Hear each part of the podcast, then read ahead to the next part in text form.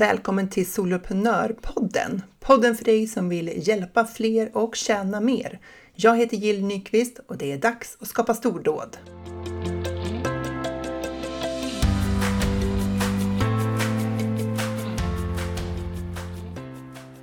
Den frustrerade företagaren online har svårt att nå ut, tjänar för lite pengar och är osäker på om hon verkligen har vad som krävs för att bygga sitt drömföretag online.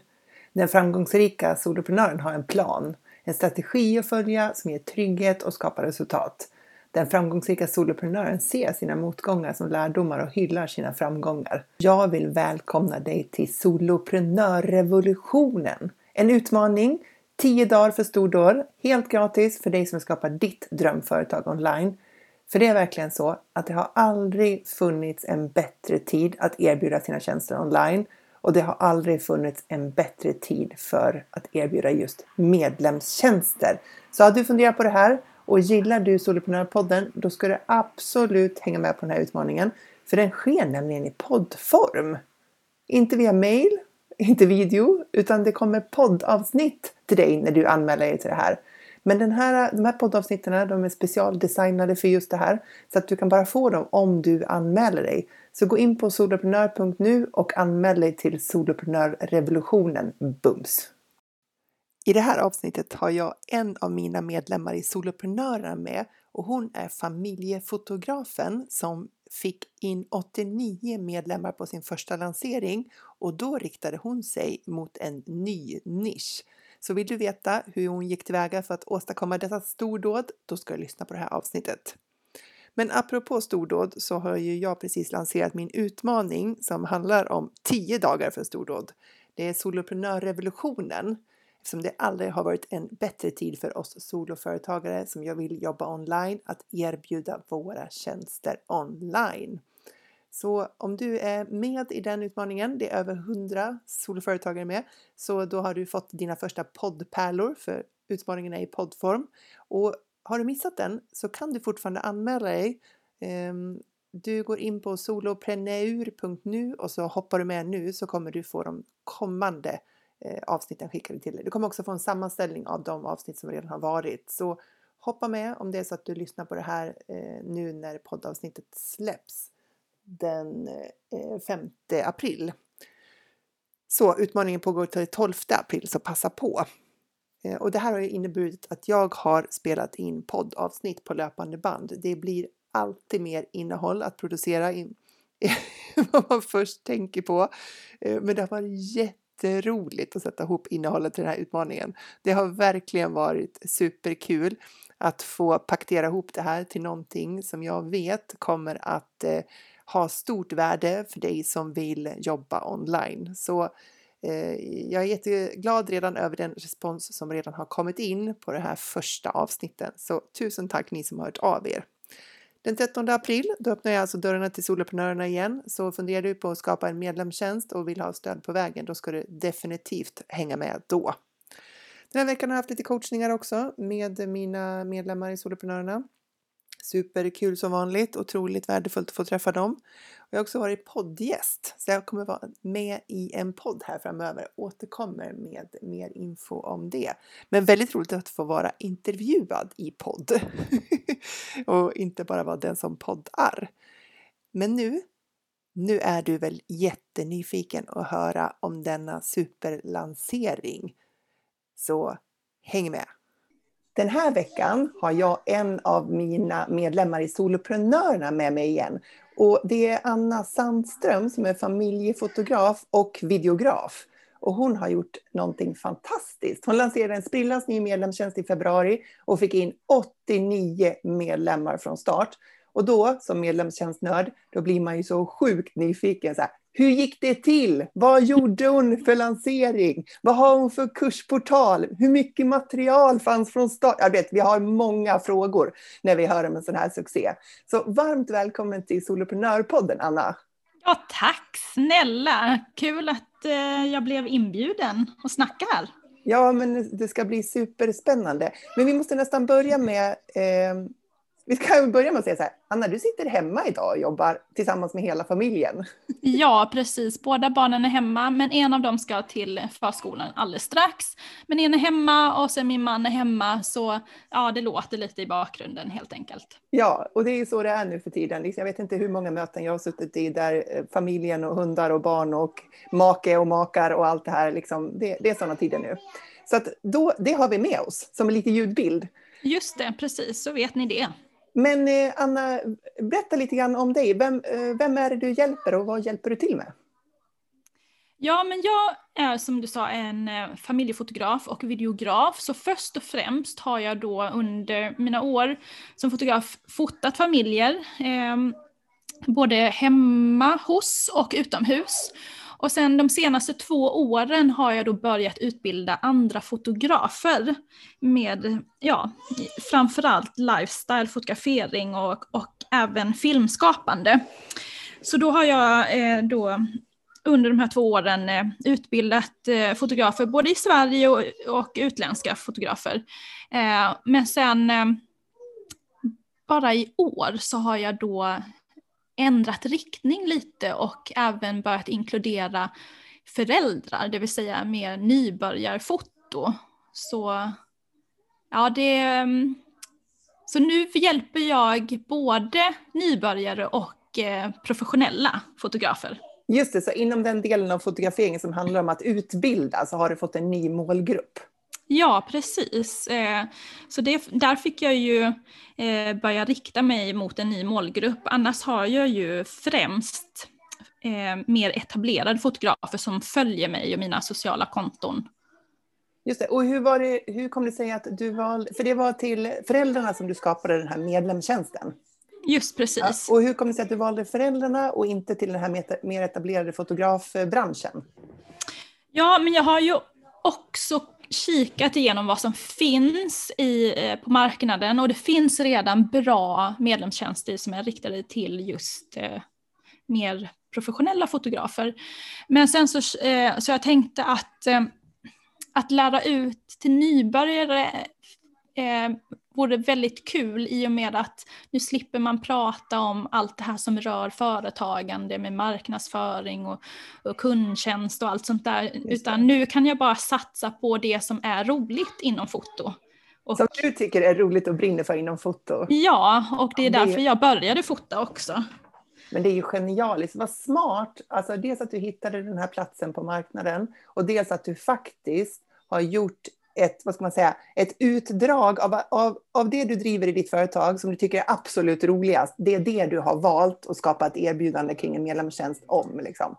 Ja, precis, för det är ju, alltså det är ju grunden till, tycker jag, man måste utgå från vad är det man vill skapa. Och jag vill liksom, eh, vad är det jag vill göra varje månad? Jo, jag vill skapa inte alltså inspirerande och roliga, roliga ämnen varje månad. Och då är det ju foto. Då är det liksom inte eh, kund, alltså arbetsflöde och kundtjänst och prissättning och sånt där. Utan då är det mer liksom det här kreativa i foto. Ja, men det var väl en fantastisk kombination tänker jag, för att vi kan ju oftast inte bara utgå från vår passion, utan vi måste ju koppla där, där vi är passionerade för och där det finns ett behov och där det finns människor som är beredda att betala för att få det behovet uppfyllt så att säga. Ja, eh, det måste liksom vara en, en kombination av de sakerna för att vi också ska kunna sälja. För annars så fastnar vi ju i någon form av evigt skapande av innehåll, gratis innehåll som människor kanske tycker är värdefullt men inom en nisch eller inom ett eh, område man inte är beredd att betala för. Nej, precis. Men där och hittade ju du liksom en, en eh, nisch där du träffade rätt.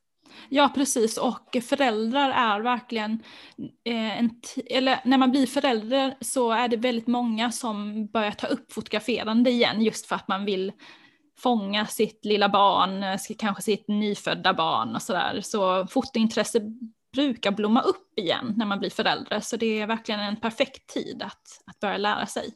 Just det, ja men det kan jag känna igen lite själv. Jag vet inte du som lyssnar om du har barn kanske har gått igenom något liknande liksom uppblossande av fotointresse i samband med att barnen ja, kom och började växa upp. Liksom.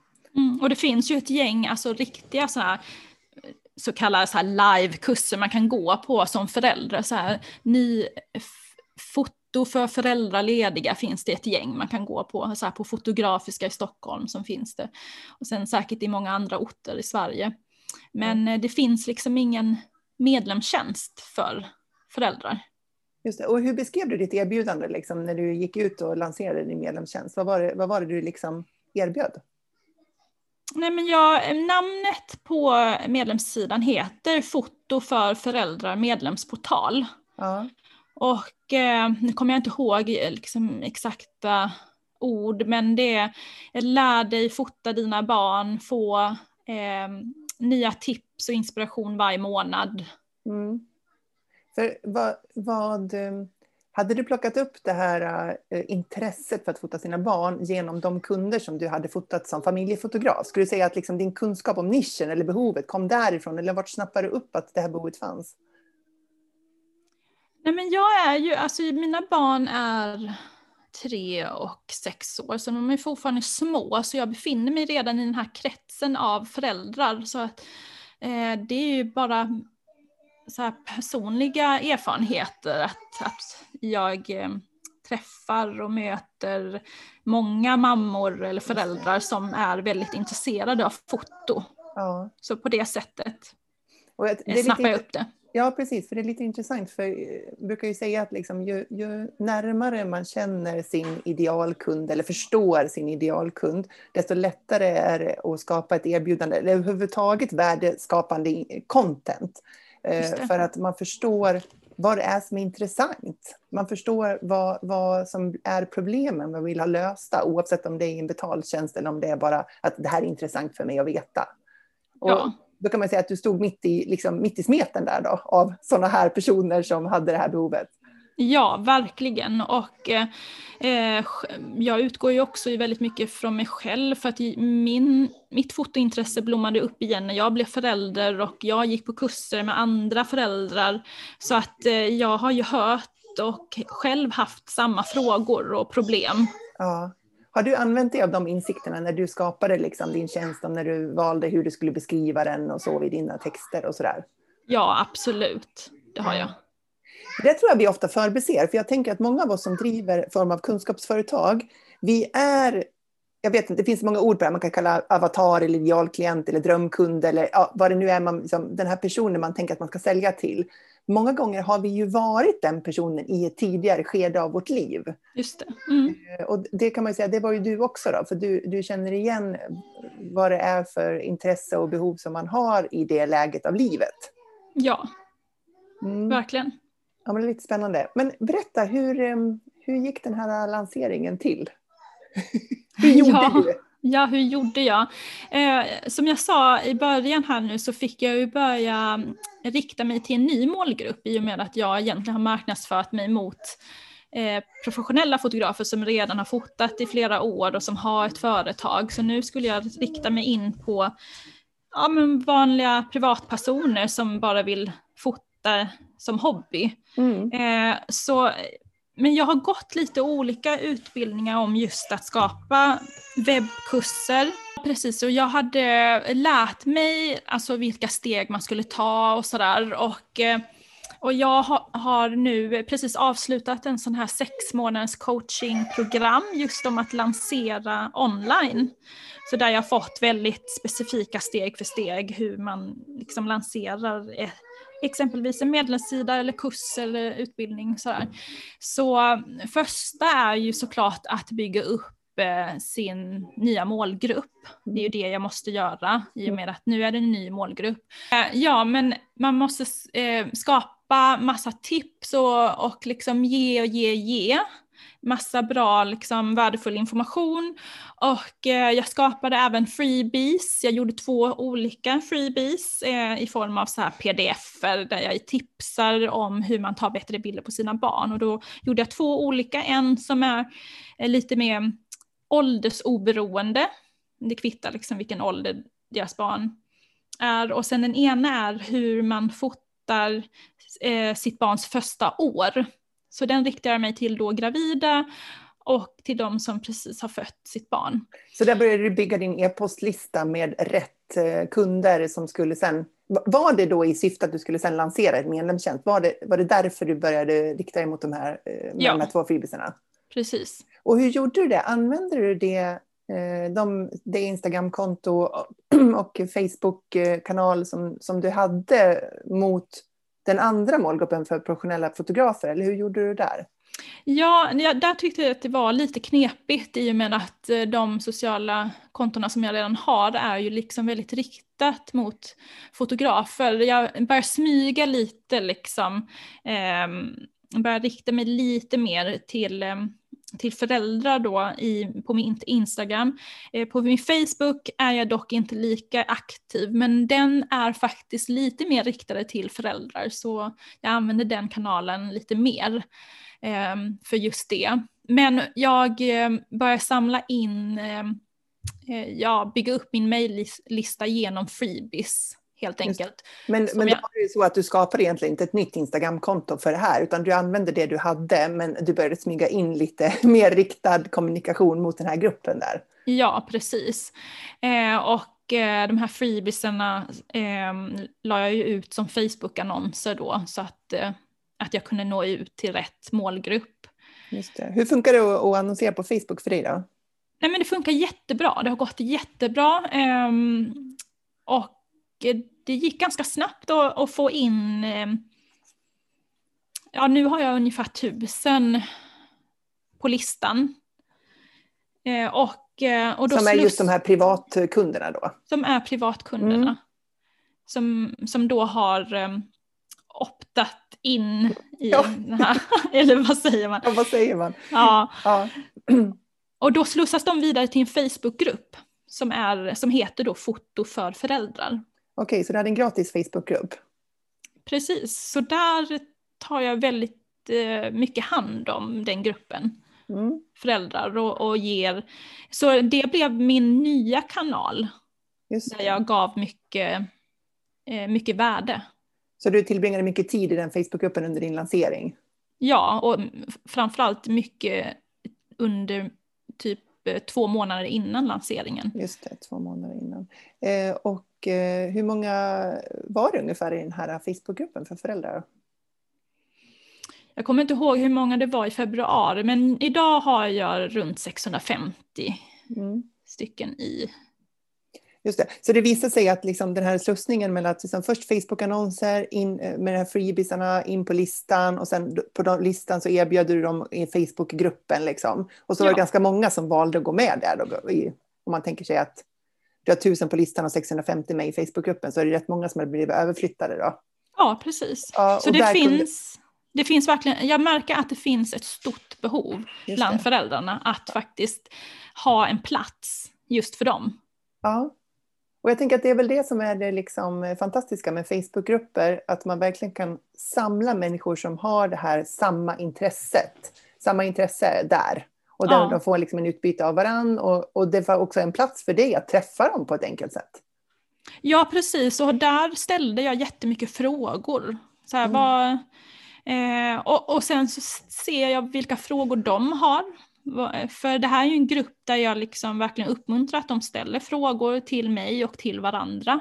Att, ehm, så de, jag märker att de verkligen använder gruppen och ställer massor med frågor och på det sättet så vet jag, ser jag vad det är för problem som, de, som många har och, och så. Och hur använder du av den kunskapen då? Eh, genom att planera vad det är jag ska ta upp till exempel nu i, i medlemsportalen. Ja, just det. Så därifrån det behovet så eh, fyller du på med idéer för vad du ska ha för innehåll till dina Ja. medlemmar då? Ja, precis. Mm. Okej, så, så att skulle du, om du, då var processen så att du hade byggt listan, du hade börjat fyllt på gruppen och så hade du skapat värde där typ två månader innan och sen var det dags för lansering i februari i år. Just det. Ja, och eh, då körde jag en sån här riktig massiv lansering eh, utifrån den modellen som jag då fick från det här coach, coachingprogrammet som jag gick på. Ja, Och då, då var det att jag skulle mm, hålla i en eh, fem dagars workshop. mm. Eh, så då skapade jag en till sån här opt-in page eh, där folk kunde eh, skriva upp sig på min femdagars fotoworkshop. Mm. Så det var ju en till annons då som jag fick skapa till den. Så du, du körde Facebook-annonsering till den utmaningen eller den workshopen också? Ja, alltså för mig har Facebook funkat jättebra så den har jag bara kört på. Ja. Mm. Och, eh, så då samlade jag in lite fler eh, på den listan och eh, inför min femdags workshop och då hade jag liksom olika teman, olika ämnen för de här dagarna. Och den sista, den femte dagen, det var då jag lanserade ja, medlemssidan. Ja, precis. Och eh, hur länge hade de på sig att gå med då? Från den dagen till du stängde kassan igen? För nu är det stängt, eller hur? Ja, nu är det stängt. Mm. Eh, efter eh, sista workshopsdagen så hade de en vecka på sig. Sju dagar? Sju dagar, ja. Mm. Och hur, de här workshopen, hur gick den till? Var det, var det livesändningar i någon grupp eller var det Zoom-möten eller hur gick workshopen till? De här workshops? Ja, nej men eh, jag eh, körde via Zoom så att mm. jag kunde både visa mig själv och visa min skärm. Och sen så länkade jag ut den så att den livestreamades i Facebookgruppen och på min, mitt företags Facebook-sida också. Så den streamades på två ställen ah, i Facebook. Okay. Behöver du använda något särskilt program då? För jag har bara sett på Facebook att man kan skriva, eller på, i Zoom att man kan streama till en Facebook ja, plats som man säger. Använder du? Nej, alltså jag använder bara det vanliga Zoom, ja. eh, betal-Zoom som jag ja. streamar. Eh, först streamar jag ut den till min Facebook-sida så att den är liksom offentligt, alla kan se den. Och sen så, de, så delas den i, även i Facebook-gruppen. Just det. Alltså då fick då det på ett väldigt praktiskt sätt eh, finnas på två ställen samtidigt. Eller tre egentligen, för du var i sovrummet också. Ja, ja. Fast eh, folk såg ju inte, gick ju inte in i Zoom utan de, de kollade livestreamet i Facebook. Okej, okay. mm. så de, de var på Facebook och du var i Zoom? Mm. Ja, precis. Och eh. på det sättet, genom att jag har den ute på Facebook-sidan, så är den publikt. Och eh, under liksom under workshopens gång så får de, har jag delat ut en tävling där man kan vinna priser. Och eh, hur man vinner priser var att man skulle fullfölja uppgifter som jag har satt upp varje dag. Plus att den, de tre mest aktiva i gruppen, det vill säga om de delar min mm, eh, livestream, om de likar, kommenterar, ja, så, så kunde man då vara med och vinna. Så på det sättet så kunde jag sprida själva livestreamet i liksom Facebook. Ja, just det. Ja, men det låter ju strålande. Och hur, när man gör en sån där tävling liksom, och där man ska uppmärksamma de som har varit mest aktiva, hur vet man vilka som är mest aktiva? Går man tillbaka och tittar på de här och liksom manuellt tittar på vilka har varit väldigt aktiva, eller hur gör man? Man kan gå in på Facebookgruppen så finns det, tror jag, medlemmar så kan, finns det liksom en lista på Ja, den rankar där någon form av statistik ja. på mest engagerade. Och, ja, mm. ja, och sen så kan man kolla lite specifikt vilka det är som har delat sina livestreams också. Mm. Så lite manuellt och lite statistik. Ja, men det är en bra kombo då. Och eh, då körde du den här workshopen i fem dagar och eh, vet du hur många som hängde med genom workshopen eller? Ja, det var lite olika men det var kanske 50-60 stycken. Ja som kollade och sen så var det jättemånga som kollade efteråt. Ja, just det. Ja, men så, det får man nästan alltid räkna med, liksom, att alla kan inte ja. vara med live men det är faktiskt många som plockar upp det och tittar på i efterhand. Ja. Du, hur skulle du säga, liksom, jag tänker att det du beskriver nu låter förmodligen rätt avancerat för, för, för de flesta av oss. Liksom, att det är ett stort och bra upplägg. Du sa massiv lansering. Liksom. Ja, det var det. Ja. Hur, hur var din känsla genom lanseringen? Var det så här fylld av energi eller kändes det tungt eller var det svårt eller var det lätt? Eller hur, hur var din känsla? Um, men två anledningar. Tungt för att jag gick igenom väldigt mycket tungt just under lanseringstiden med en sjuk mamma. Så på det sättet var det tungt. Ja, just det, för, för privat det liksom. Ja. Det var privat tyngd, ja. men själva liksom ehm, själva lanseringen, ja alltså den tar ju mycket energi, det måste jag ju erkänna. Mm. Men det var otroligt stor engagemang bland föräldrarna. Mm. Eh, och när jag del, la upp, liksom här kan ni lägga upp er uppgift nummer ett, två, tre i Facebook. Alltså det fanns så här 150 kommentarer folk hade liksom delat och gjort sina uppgifter. Och folk var jättepepp och väldigt glada. Så ja ja, det, alltså upplägget var väldigt, väldigt bra. Så det är någonting som jag får, får fortsätta med. Lite, eh, I alla fall ett par, tre gånger om året. Ja, ja, men en sån lansering gör man inte varje månad såklart. Men eh, man, du kan kraftsamla, tänker du, och använda dig av samma typ av upplägg igen. Precis. Mm. Sen får man engagemang, eller, när man får engagemang, då får man energi tillbaka. Ja, när man ser precis. att människor liksom har nytta och är glada och liksom är med. Sådär, ja. Så då, då, blir man peppad av det också. Ja, Men hade, hade, du någon annan hjälp? Liksom? Hade du någon, eh, någon VA eller någon annan person som hjälpte dig genom det här? Nej, jag hade ju inte det och just då så kände jag att, eh, att nästa gång så måste jag leta efter en VA. Mm. Men nu är ju visserligen mycket redan gjort. Ja. Alltså, alla liksom opt-in pages är ju klara, annonserna är ju klara. Eh, allting är ju gjort nu liksom. Mm. Men jag kommer nog, eh, eller jag kommer anlita en, en VA som ska hjälpa mig med medlemstjänsten. Ja. Jag tycker det är intressant ändå, för att jag, kall, jag säger ju nu så här, det är en soloprenörrevolution nu, för att det har aldrig varit ett bättre läge att erbjuda sina som, tjänster online än vad det är just nu. För ja, att liksom, människor är vana att lära sig och prata med varandra och kommunicera online nu. Och med det året vi har haft bakom oss så har liksom fler upptäckt att det går att mötas och ha liksom ett bra utbyte online så här. Samtidigt som vi blir mer och mer vana på att liksom, prenumerera på saker. Vi är vana liksom, att köpa månadsvis Spotify, Netflix, eh, dammsugarpåsar, kaffe. Ja, men alla möjliga saker prenumererar vi på. Ja, liksom.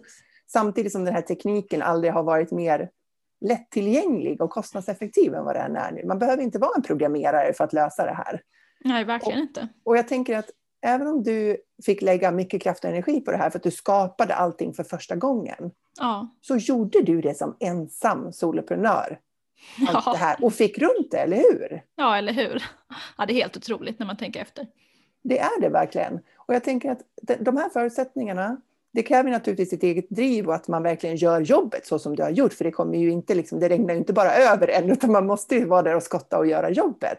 Men när man gör jobbet, då finns det alla förutsättningar att verkligen få ett resultat. För att de här delarna finns på plats nu i samhället och eh, hur liksom, människor har vant sig vid att eh, lära sig och mötas och betala för saker och allt det här. Allting det här samverkar nu mm. på ett sätt som det inte alltid har gjort, utan det är nu det samverkar, alla de här tre delarna med teknik och prissättning och abonnemang och eh, erfarenheten.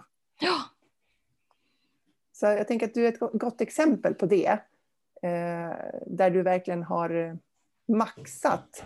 För det här var ju första lanseringen, eller hur? Ja, verkligen. Ja, det var det.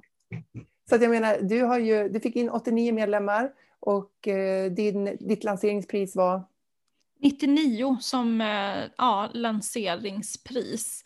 Eh, vilket eh, är otroligt lågt. Men eh, anledningen till det var för att jag knappt hade något material alls i medlemsportalen när, när medlemmarna skulle, när de kom in liksom.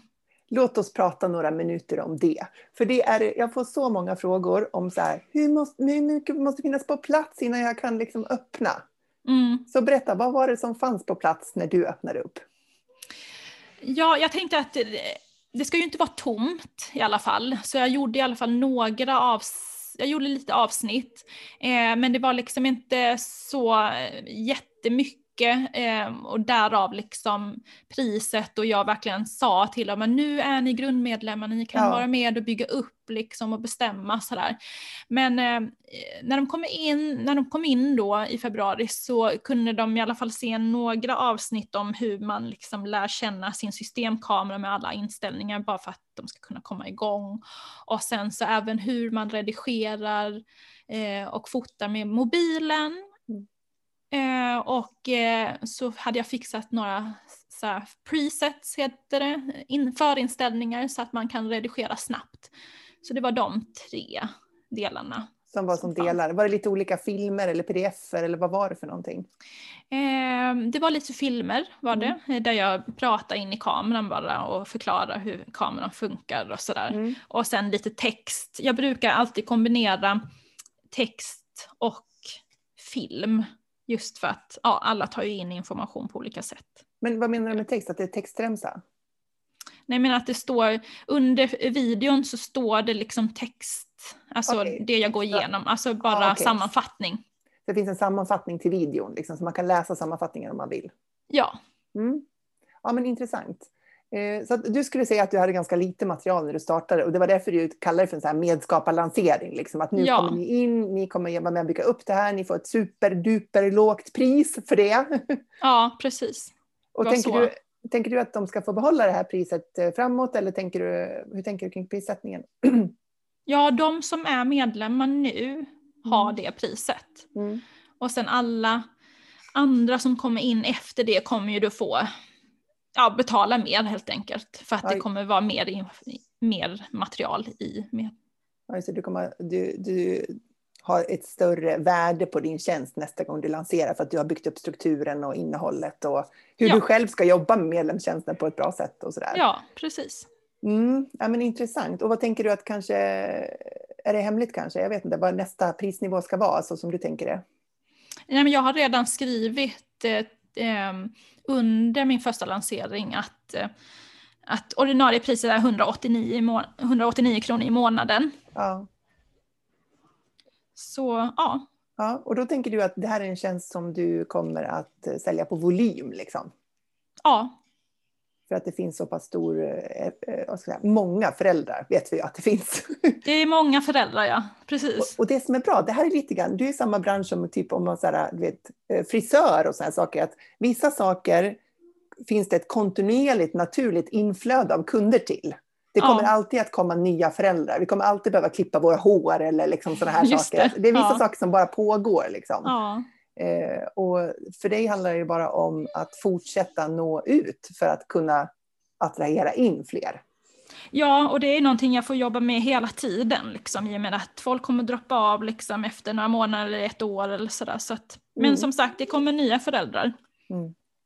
Och föräldrar, alltså, jag tänker att man är intresserad av sitt barn, naturligtvis hela barnets uppväxt, men jag tänker att i början om man tänker från bebis och kanske upp till, inte vet jag, fem, tio år någonting kanske det är mest fotograferande och det är en ganska lång tid. Ändå. Ja, det är det. Ja. Det är inte bara liksom sex månader och sen känner man sig färdig med det här, utan mm, som förälder så älskar man ju att se sitt barn växa och utvecklas och liksom följa det över tid.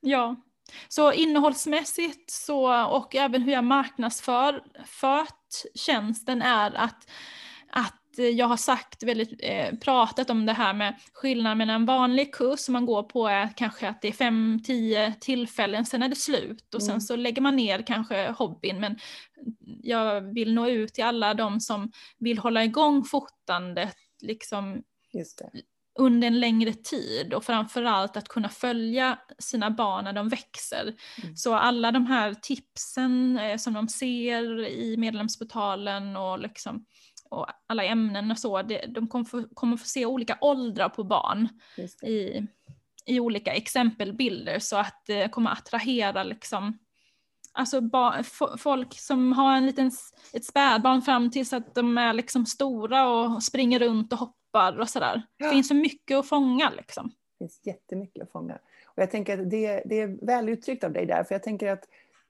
det är nog många som kanske först inte förstår skillnaden mellan webbkurs och en medlemstjänst och vad poängen med den skillnaden är. Och jag tänker att poängen med skillnaden är precis som du beskriver, att man får stöd i att klara av eller få sitt behov uppfyllt beroende på vad det är, lösa sitt problem eller vad det är för någonting det handlar om.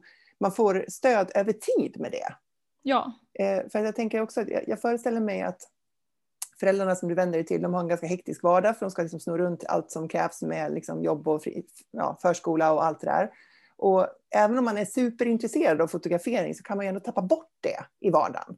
Ja. Och då finns du där och hjälper dem att komma ihåg att du vill göra det här också. Och här har ja. du lite grann saker som underlättar i din vardag för att få det här gjort, orka hålla i det. Ja, precis. För, eh, ja, och jag har verkligen betonat just det här med att, att det blir ofta att man lägger kameran på hyllan igen efter en tid. Man har liksom, man satt, maxar kanske några, ett par månader för att man gått en kurs och sen så lägger man ner det. Eh, utan det här är mer liksom för att, och det har jag tagit upp också i sådana eh, uspar eller så här pain points, mm. att, att um, man har ett hektiskt liv med liksom barn, så här, att eh, det här kan vara en, en tid för dig eh, som du kan lägga på varje månad fast lite lagom mycket. Mm.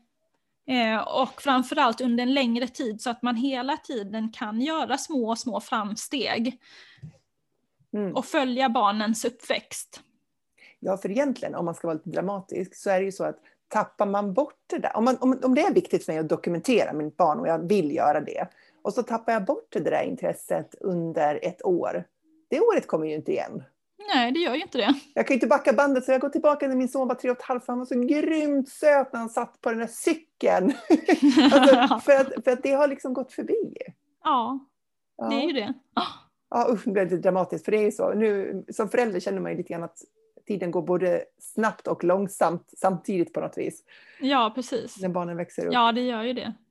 Mm, så. Men då hade du, eh, det låter som att du har liksom eh, uppenbarligen ringat in behovet och de här pain points, smärtpunkterna liksom, eh, ja. på ett bra sätt eftersom du har fått in, inte bara de 89 medlemmar du fick in utan också den här, de här människorna som är med på din lista och som är i Facebookgrupp.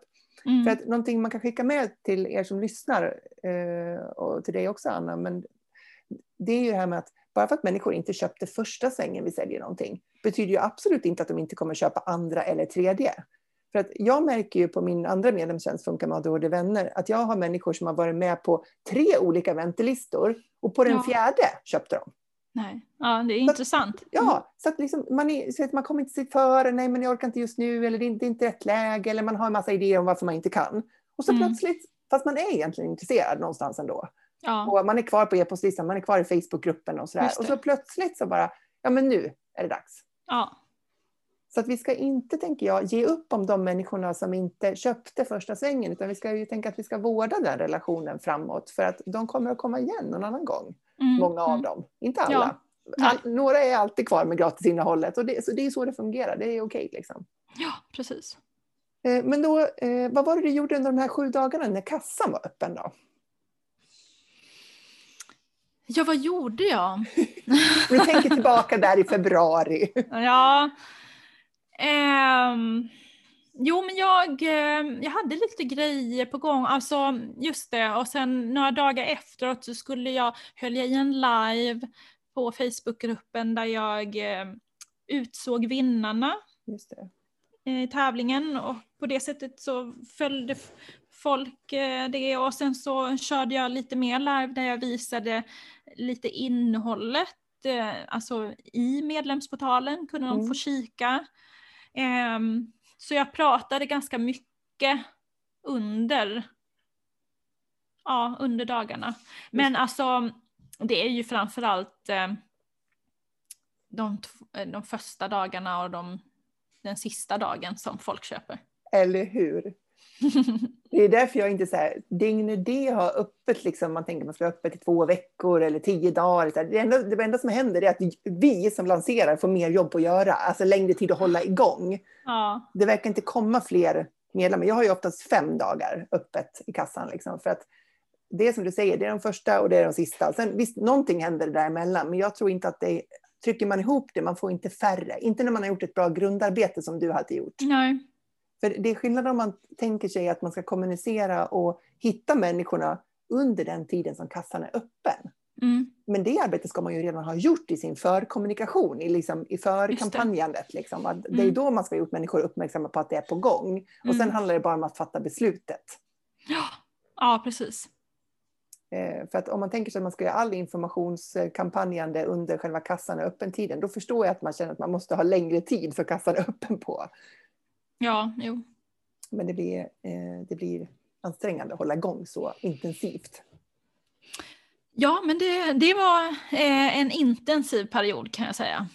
Vilket system använder du? För det är säkert många som funderar på vilken typ av kursportal du använder. Och... Nej, men jag använde av Kajabi. Mm. Eh, för att jag gick en kurs för, eh, för, för något år sedan och då lärde vi oss Kajabi så det blev naturligt att jag Mm. använde det. Och eh, var det där också i Kajabi som du gjorde landningssidan och samlade e-postadresserna och så? Ja, precis. Det är ju en sån här helhetskoncept eh, där det. Mm. Så jag har allting samlat där. Och jag har hört många som använder Kajabi som är otroligt nöjda. Är du också väldigt nöjd med det systemet? Ja, men det är jag. Det är... Ja, den har allt jag behöver. Mm. Men den är, den är dyr, är den. Ja, men det är väl det som oftast har talat emot. Men vad är det det kostar? Är det månadsvis? Jag har, jag har den billigaste och jag betalar årsvis. Då Ja. blir det liksom billigast. Och där har det ju jättestor skillnad, eller det, eh, det gör väldigt stor skillnad vad dollarn ligger på. Ja, just det. Det är det Ja, också. Ja. så i år så fick jag faktiskt 2000 kronor rabatt från förra året. För att eh, dollarn hade sjunkit. Så jag betalade kanske 12 och 5 för ett år. Ja, Det är ju fascinerande med valutan. Liksom. kan ju slå jättemycket. Jag har också märkt att dollarn är låg. Jag, jag handlar ju också mycket som är i, i dollars. Ja, precis. Och, ja, och jag, jag har också märkt att så här, oj, wow, blev det inte mer liksom? Nej. Och då blev det, då kostade det ungefär, ja i år så blir det då, ja men lite mer, dryga tusenlappen per månad. Ja, just det. Mm. Men du planerar att vara kvar där i alla fall? Ja, nej nu orkar jag inte bygga om på något annat. Alltså det är så mycket jag har i det. Det är väl därför, jag tror att de behåller väldigt många kunder på grund av det, för att man liksom byggt upp så mycket. Ja, det tror jag inte bara gäller dem, utan det är nog i alla system, särskilt de här helhetslösningarna. Jag som jobbar i New Sendler eh, har ju flyttat in allting där och det, det blir samma känsla för mig. Liksom så här, oh, tänk om man skulle flytta ut allt det här, vad, vad mycket jobb Ja, att göra det. Ehm, sådär. Men med det sagt så tycker jag inte att man ska vara livrädd för att eh, välja tekniklösning. För att det är inte den tekniska lösningen som kommer avgöra om man får en fantastisk medlemstjänst. Utan det är ju liksom, ja det är du Anna som gör din medlemstjänst och gör den väldigt bra. Ja, det är ja, inte tekniken precis. i sig. Men man måste ju ha någon form av teknisk lösning som man trivs med och som funkar över tid. just det. Ja. Men vad skulle du säga nu, liksom, om man jämför eh, vad du vet nu, nu har du haft medlemstjänsten i typ, vad blir det, två månader eller en halv eller vad blir det? Ja, ja, nej men en och en halv kanske. Ja, en och en halv. Ja. Eh, och du, där du är nu, kunskapsnivå och hur du tänker på att driva medlemstjänst och så jämför du innan du startade din lansering. Vad är det du har lärt dig? Liksom? Vad är det för erfarenheter du har gjort eller fått insikter kring? Ehm, vad jag har lärt mig att eh, jag eh, måste nog börja sätta lite gränser på hur mycket tid jag ska lägga på själva medlemstjänsten. För just, just nu tycker jag att jag lägger ner lite för mycket tid kanske. Mm. Men det är kanske mest för att jag har velat att allting ska funka, att jag vill att medlemmarna ska vara nöjda och sådär. Mm. Men eh, det tar jättemycket tid eh, som jag behöver se efter. Och, eh, och, och sen börja planera in vad nå- någon annan kan liksom, hjälpa mig med. Mm. Så att hitta nivån på hur mycket du ska liksom leverera i din medlemstjänst. Och eh, eh, vad av det ska du sköta själv och vad ska du liksom outsourca. Ja, precis. Mm. För planen är ju att jag vill kunna eh, ja, men få in fler medlemmar och även kunna erbjuda alltså, mer service. Det skulle Tänk- jag vilja göra. Ja. Tänker du att du skulle erbjuda tilläggstjänster för de som är medlemmar? Ja men jag skulle, alltså, jag skulle kunna vilja bygga ut det, för jag, jag sitter ju med en massa kunskap men jag sitter inte på allt. Så att eh, jag skulle gärna vilja ha lite så gäster som kommer lite, eh, som är eh, specifikt duktiga på en, något särskilt sådär, Mm. som kan fylla vissa behov. Mm. Jag tänkte ifall du såg eh, eh, medlemmarna i din medlemstjänst också som potentiella kunder för andra typer av tjänster som du erbjuder. Familjefotografering till exempel, att eh, du kommer att fota dem. Eller tänker du att det här, är, det här är ingenting som du kommer att promota till dem, att det finns andra saker du erbjuder också? Nej, jag kommer nog inte göra det. De, ehm, många av eh, föräldrarna som då är med i medlemstjänsten följer mitt Instagramkonto och där visar jag ju väldigt mycket liksom, Mm. foto. Så att, ja, de vet ju. det där. Ja, men då, de vet ju hur de hör av sig till mig om de vill boka en fotografering. Ja, just det. Och eh, hur, eh, vad tänker du att medlemstjänsten ska fylla för funktion i ditt företag? Liksom? Vilken plats ska den ha? Vill du att den ska vara en, lit, en liten komplement till det övriga du gör? Eller vill du att det ska vara en, liksom en, bygga sig upp till en ganska hög eh, säga, grundplåt, grundstomme ekonomiskt för ditt företag och du ska kunna liksom välja uppdrag utöver det sen? Eller hur tänker du kring platsen i ditt företag och medlemstjänsten? Nej, men jag vill kunna utöka det eh, så att det kanske kan bli en, alltså en fjärdedel av mitt företag eller något sånt där. Mm. Eh, En fjärdedel, eh, förhoppning kanske till och med en tredjedel av mitt företag. Mm. Alltså en stor del. Mm. Så det är här ett långsiktigt projekt som jag ska bygga upp. Just det. Och varför skulle du vilja ha det som en, ja, vi säger målbilden, en tredjedel av de intäkter du, vill, du behöver dra in i ditt företag ska utgöras av medlemstjänsten. Var, var, var, varför vill du ha det så? Eh, för att eh, det skulle ge mig massa tid över tror jag. Det är förhoppningen. Mm. För att då gör jag liksom, jag gör, eh, jag lägger ner liksom, jag skapar ett visst antal liksom ämnen varje månad, då blir det blir liksom inte mer arbete då. Nej. Precis, och det är det jag tänker är liksom hela klon med att driva just medlemstjänster, just den affärsmodellen, den här skalbarheten. Mm. För att om du gör en leverans till ja, vi säger 90 medlemmar då, eller om du gör en, en leverans till 500 medlemmar. Det är Mm. inte, det, det är inte liksom dubbelt, trippelt, femdubbelt så mycket jobb för dig, utan det är lite administrativt som kommer till när, när det blir större naturligtvis. Det blir fler frågor och liksom sådana här saker. Men, Mm. men din leverans, om en, om en person ser en video eller 500 personer ser en video, det är samma jobb för dig i alla fall. Ja, precis. Eh, ja, och jag skulle vilja liksom hålla mig till att det är jag som skapar de här kreativa ämnena och sen så har jag en VA som hjälper mig med mer administrativa delen. Liksom den fördelningen. Så du verkligen kan göra det roligaste av det roligaste. i- Ja, precis. Ja, men jag tycker det är inspirerande att höra. Och eh, jag, jag tänker precis som du att, att eh, medlemstjänster kan ge den här grunden i våra företag där vi vet ungefär vad vi har för intäkter att förvänta oss över tid. Liksom. Man vet ungefär vad nästa månads intäkter från medlemstjänsten kommer att vara. Sen naturligtvis varierar det lite grann för någon hoppar av och sådär. Mm. Men man har en grundplåt liksom. Och att det skapar eh, frihet och tid över till annat. Oavsett om det handlar om att man vill jobba mindre och vara med Mm. familjen mer. Eller om Mm. det handlar om att man vill kunna utöka någon annan del av sitt företag. Eller vad det är för någonting. Eller kanske säga nej till vissa typer av uppdrag. För att man inte Mm. behöver göra dem. För att man tyckte inte det var så kul. och att Nej. man har, man har frihet att göra det för man har ekonomin för det. Ja, precis. Så att, eh, det, man kan ju ha många olika drivkrafter för varför man vill skapa sig det där utrymmet. Ja, för mig är det att jag vill kunna få lite mer tid och frihet Mm. till, med familjen. Mm. Precis. Ja, men det är en jätteviktig aspekt på tillvaron såklart. Ja, men vad spännande det här har varit, Anna. Eh, Är det någonting som du känner att du vill lägga till, som du tänker att det här eh, är en lärdom att skicka med också? Ehm, ja, nej men att det gäller verkligen att, att börja ge värde i god tid innan. Mm. För att skapa den här eh, rätt typ av publik eller bygga upp rätt följare för den tjänst man sen vill erbjuda. Ja, precis. Mm. Och ehm, man måste synas jättemycket. Mm.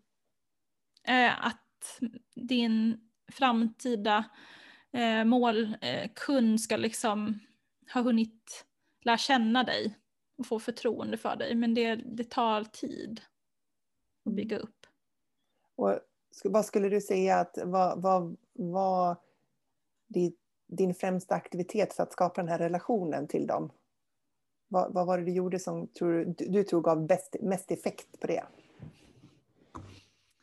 Ehm, den här, jag, jag har verkligen tyckt att den här gratis Facebook, bok, Facebooksgrupp, gruppen har varit fantastisk. eh, Mm. Där jag har liksom eh, till en början bara gett värde, värde utan att be någonting tillbaka. Utan bara här är tips, här kan ni tänka på så här, och eh, visa, eh, synts på live och, och jag har fått väldigt mycket feedback från eh, från föräldrarna så bara, åh jag testade ditt tips, det, det blev jättebra, eller de delar sina bilder efter tipset som jag delat ut. Så, Ja. så det är någonting jag måste fortsätta med Mm. mellan lanseringarna. Exakt. Det är det. Jag tänker, du är ju med i Soloprenörerna och en del av det vi jobbar med där eh, är ju det här med vardagskommunikation. Mm. Eh, Och vardagskommunikation handlar ju om att vara närvarande mellan kampanjerna, att man liksom Mm. fortsätter och vidmakthåller eh, den relation man har skapat under den här intensiva kampanjperioden, att man inte bara försvinner ur människors medvetande då, utan man finns kvar på något sätt. Mm. Men du, superspännande att få höra om din lansering, Anna. Du har gjort ett fantastiskt arbete. Du ska vara väldigt stolt över det arbete du har gjort, för att det är, eh, det är mycket när man gör allting för första gången, när man skapar allt material och lägger upp planen och liksom genomför allting så som du har gjort. Det är, eh, det är ett stordåd. Ja, tack så mycket. Åh gud, jag har kämpat alltså. Det har märkts. Ja, men det har också givit resultat. ja, verkligen. Eh, Så att du har ju du har gjort vad som har krävts för att få, jag ska säga att du fått en jättebra start på din medlemstjänst. Även om, inte- även om det här är startpunkten och du har en väg att gå, det, du säger det är långsiktigt och du, vill ha, en- du har en ganska hög ambitionsnivå för din medlemstjänst och sådär. Men du har ju skapat dig själv en väldigt bra start. Ja, alltså jag är jättenöjd med den här lanseringen är jag och, eh, och just eh, nu och jag har det här som ett långsiktigt projekt och det känns bra liksom. Mm. Och du kommer hitta nivån, tänker jag, eh, på hur mycket du ska leverera till dina medlemmar så att du känner att det blir hållbart över tid. Just det, ja det, precis. det, man kan väga av det där eh, på ett klokt sätt. Eh, men det, det, du börjar trampa på den stigen också. Det är också nytt. Liksom. Ja, Det är, verkligen. lite så, det är lite djungel och machete när vi kliver in i nya områden och vi ska ta oss fram och vi ska lära oss och vi ska skapa och vi ska liksom hjälpa människor. Allting samtidigt. Ja, precis. Så att eh, det är mycket eh, på många fronter att lära sig samtidigt när vi börjar med någon ny del av vårt företag eller så. Ja, Men jag är Verkligen. övertygad om att du kommer lösa det på ett utmärkt sätt och jag är så glad att ha med dig i Soloprenörerna för jag tror Mm. att eh, det, du verkligen kommer kunna bidra till många där också med dina erfarenheter. ja vad bra. Men jag tänker i och med att jag tänker att det här, det här medlemsportalen för mig ska vara långsiktigt så Mm. känns det skönt att det även finns soloprenörerna, att det finns en grupp liksom jag kan vända mig till. För vi har ju alla liksom, vi kommer alla ha liknande problem och så här frågeställningar, tänker jag. Ja, ja, definitivt. Jag märker ju det liksom redan nu kring de som har medlemstjänster som är uppe och snurrar att ja, men då blir det medlemshantering och det uppstår frågor kring det och hur ska man lösa det och, och människor som vill olika saker och sådär. Man behöver ha ett gäng att bolla de här tankarna med för att man Ja, blir lite precis. ensam annars. Så det, till syvende och sist är det alltid vi som fattar besluten men det kan vara skönt att få lite perspektiv på beslutet innan man fattar det. Och då är det perfekt att ha ett gäng som, som har varit med om liknande saker. Ja, lite bara hur löser jag det här? Mm. Absolut. Men hörru du, de som har lyssnat nu och känner sig jättesugen på att eh, fotografera och blivit inspirerade av att ta upp sitt fotograferande på kanske och sina barn och så. Vad kan, vad kan de läsa mer om dig och var hittar de dig? Ja, nej men eh, på Instagramkonto tycker jag är enklast att hitta mig. Då är det Anna Sandström kom i ett liksom. Just det. Mm. Inget punkt eller så utan Anna Ingen Sandström punkt. kom. Ja, och där så kan man faktiskt klicka sig vidare till eh, mitt nya Instagramkonto som heter Foto för föräldrar. Mm. Men det är lite understreck eh, sådär, så det, det är enklast att hitta mig via Ans- Anna Sandström kom. Just det, så kan man liksom hitta det andra kontot via det då. Ja, precis. Och där finns, kan man också komma till min hemsida om man vill boka fotografering eller en- om man vill eh, ja, se mina andra kurser och så. Mm. Och eh, om man skulle vara intresserad av att gå med i din medlemstjänst, har du några planer på när du kommer öppna upp igen? Men jag kommer öppna upp i slutet på maj igen. Mm. Mm. Och eh, man kan också lätt hitta hitta eh, Facebookgruppen som då är gratis. Eh, den heter Foto för föräldrar. Mm. Så det är bara att söka på det i Facebook så kommer den gruppen dyka upp och då kan man bara gå med i den. Men toppen Anna, då vet vi hur vi ska hitta och se mer av ditt fantastiska material. Tusen tack för att du har varit med och delat dina erfarenheter i Soloprenörpodden. Ja, tack snälla Jill för att jag fick vara med. Och ni som har lyssnat nu, nu kan ni låta er inspireras för att ni ska kunna skapa era egna stordåd.